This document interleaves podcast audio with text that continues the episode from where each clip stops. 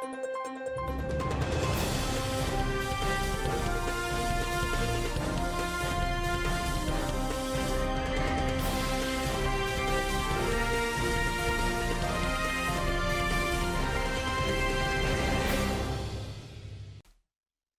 ခုပထမဆုံးအနေနဲ့အမျိုးသားညီညွတ်ရေးအစိုးရကပြည်သူလူထုနဲ့အဆက်အသွယ်မပြတ်စေဖို့ထုတ်လွှင့်တဲ့ Radio NUG စံသက်ထုတ်လွှင့်မှုကိုပုံမကောင်းမွန်လာရေးအတွက် ခိတ္တရန်နာပြီးမှပြန်လည်စတင်သွားမှာဖြစ်တယ်ဆိုတဲ့သတင်းကို တင်ဆက်ပေးကြပါမယ်။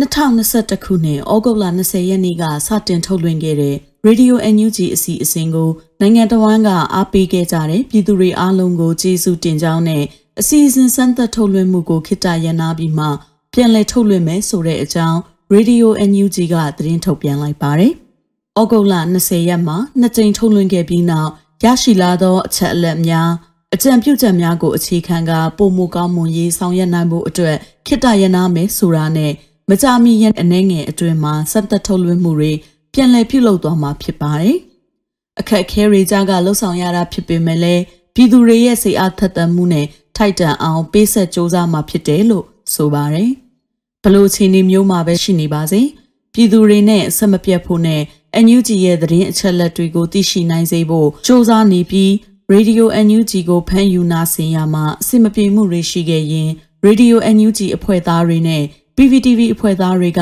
နားလည်ခွင့်လွှတ်ပေးဖို့လဲထည့်သွင်းဖော်ပြထားပါတယ်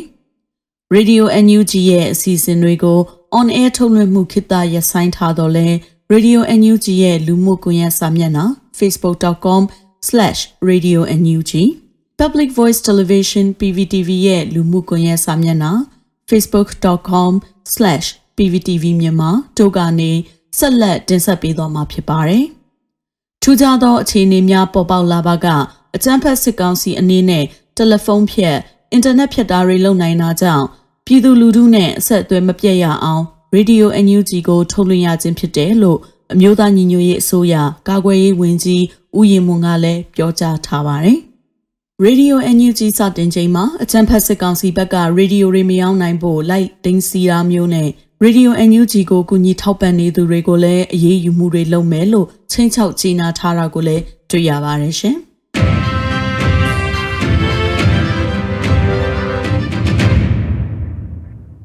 ဆက်လက်ပြီးမြန်မာနိုင်ငံမှာအကြမ်းဖက်စစ်ကောင်စီအာဏာသိမ်းပြီး6လအတွင်းနေရက်စွန့်ခွာထွက်ပြေးသူ2သိန်းကျော်ရှိနေဟုကုလသမဂ္ဂထုတ်ပြန်လိုက်တဲ့သတင်းကိုတင်ဆက်ပေးပါမယ်။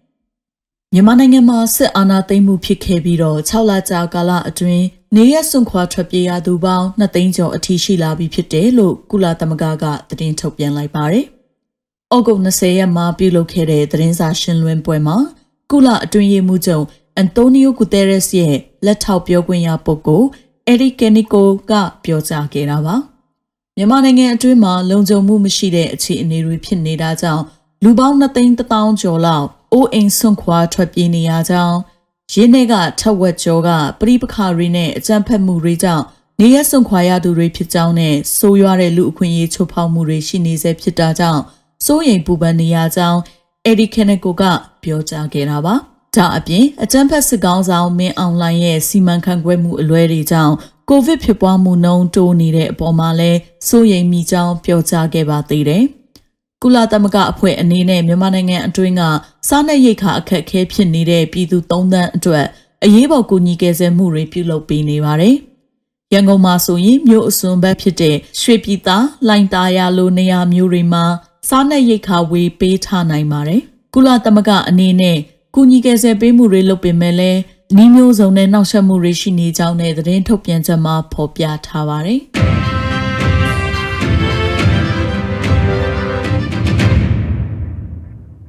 စစ်အုပ်စုအကျိုးစီးပွားကိုအသက်ပေးကာကွယ်တာမလုပ်ဖဲပြည်သူနဲ့ပူးပေါင်းဖို့တမတော်သားတွေကိုကရင်နီအမျိုးသားကာကွယ်ရေးတပ်ဖွဲ့ KNDF ကတိုက်တွန်းပန်ကြားလိုက်တဲ့သတင်းကိုဆက်လက်တင်ဆက်ပေးပါမယ်။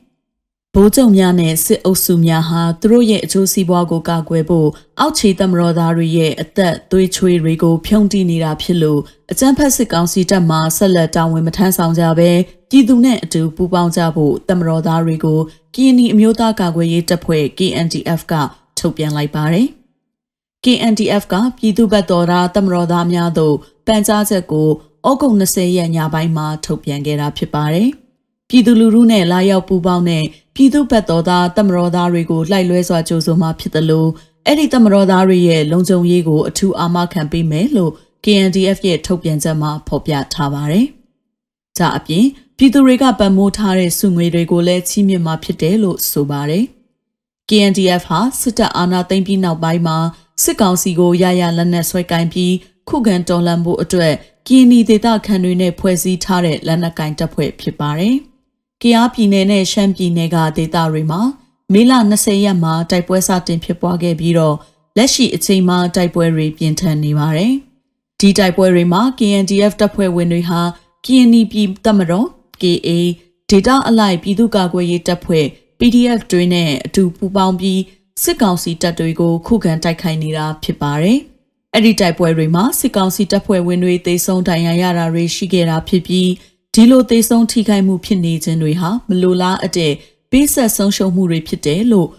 KNDF ကဆိုပါတယ်။ဒါကြောင့်ပြည်သူတွေကိုအကြမ်းဖက်တပ်ဖြတ်တဲ့စစ်ကောင်စီတပ်မှတာဝန်မထမ်းဆောင်ပဲပြည်သူများနဲ့လာရောက်ပူးပေါင်းကြဖို့ပြည်သူ့ဘက်တော်သားတမတော်သားတွေကို KNDF ကတိုက်တွန်းပန်ကြားခဲ့တာပါ။ KNDF လိုပဲချင်းဒေသကာကွယ်ရေးတပ်ဖွဲ့ CDF ကလည်းပြည်သူနဲ့အတူရက်တီးပြီး လက်နက်အပြည့်အစုံနဲ့လာရောက်မယ်ဆိုရင်ချက်သိန်း90စုပေးမဲ့အပြင်ပြပဒါမှမဟုတ်သွားလို့ရအရက်ကိုသွားနိုင်ဖို့စီမံပေးနိုင်တယ်လို့ထုတ်ပြန်ထားပါတယ်။ပြည်သူဘက်ကရက်တီးပြီးအာနာဖီဆန်ရေးလှုပ်ရှားမှု CDM မှာပါဝင်ထားတဲ့တမတော်အရာရှိတွေနဲ့စုဖွဲ့ထားတဲ့ပြည်သူစစ်သားတွေရဲ့အဆိုအရ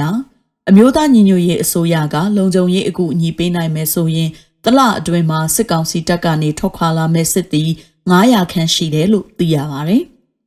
လက်ရှိအချိန်မှာတော့ဒေသအသီးသီးကပြည်သူ့ကာကွယ်ရေးတပ်ဖွဲ့တွေနဲ့ကချင်ကရင်နီနဲ့ကရင်တိုင်းရင်းသားလက်နက်ကိုင်အဖွဲ့တွေဟာစစ်ကောင်စီကိုခုခံတိုက်ခိုက်မှုတွေပြုလုပ်လျက်ရှိပါတယ်။ဒီလိုခုခံတိုက်ခိုက်ရမှာစစ်ကောင်စီတပ်ဖွဲ့ဝင်တွေထိခိုက်တိဆုံးမှုတွေရှိနေပါတယ်။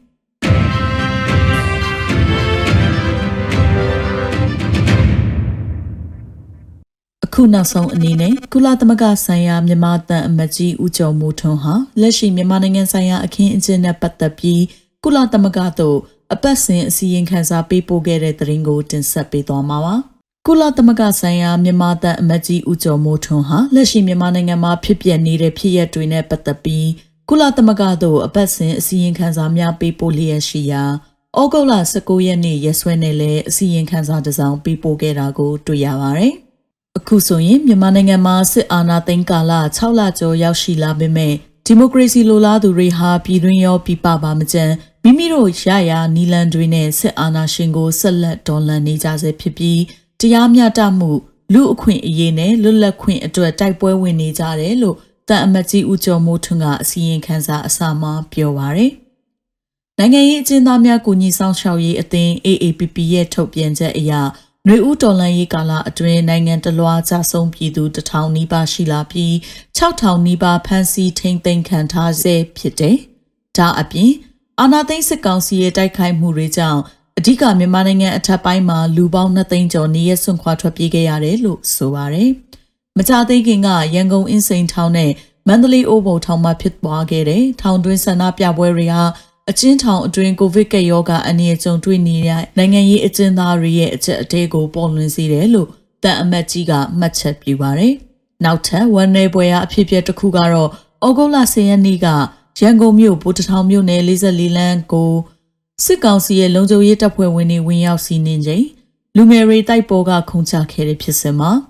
အဲ့ဒီလူငယ်တွေကထွက်ပြေးဖို့ကြိုးစားချိန်မှာလုံခြုံရေးတပ်ဖွဲ့ဝင်တွေကပြစ်ခတ်ခဲ့တယ်လို့ မျက်မြင်သက်သေတွေရဲ့ထွက်ဆိုချက်ကိုကိုးကားပြီးသတင်းမီဒီယာတွေကဖော်ပြခဲ့တယ်လို့ဆိုပါတယ်။ဒါအပြင်ကိုဗစ်တတိယလိုင်းကာလအတွင်းမှာလုံလောက်တဲ့ကျန်းမာရေးဆောင်ရှောက်မှုမရလို့အသက်ပေါင်းများစွာဆုံးရှုံးနေရတဲ့အကြောင်းနဲ့နိုင်ငံရေးစီးပွားရေးမတည်ငြိမ်မှုတွေကြောင့်လက်ရှိအငတ်ဘေးပြဿနာရင်ဆိုင်နေရတဲ့မြန်မာပြည်သူအရေးအတွက်နှစ်ဆတိုးလာနိုင်တယ်လို့ကမ္ဘာစားနပ်ရိက္ခာအစီအစဉ်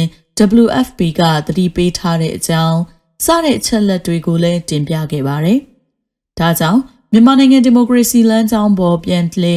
တက်မဲ့ရေးနဲ့ငြိမ်းချမ်းရေးတည်ငြိမ်ရေးအတွက်နိုင်ငံတကာအတိုင်းအဝိုင်းအနေနဲ့ညီညီညွတ်ညွတ်ပူးပေါင်းဆောင်ရွက်ပေးကြဖို့တန်အမတ်ကြီးဦးကျော်မိုးထွန်းကအစီရင်ခံစာမှာတိုက်တွန်းခဲ့တာကိုလည်းတွေ့ရပါတယ်။ရေတော်ဘုံအောင်ရမည်ရေတော်ဘုံအောင်ရမည်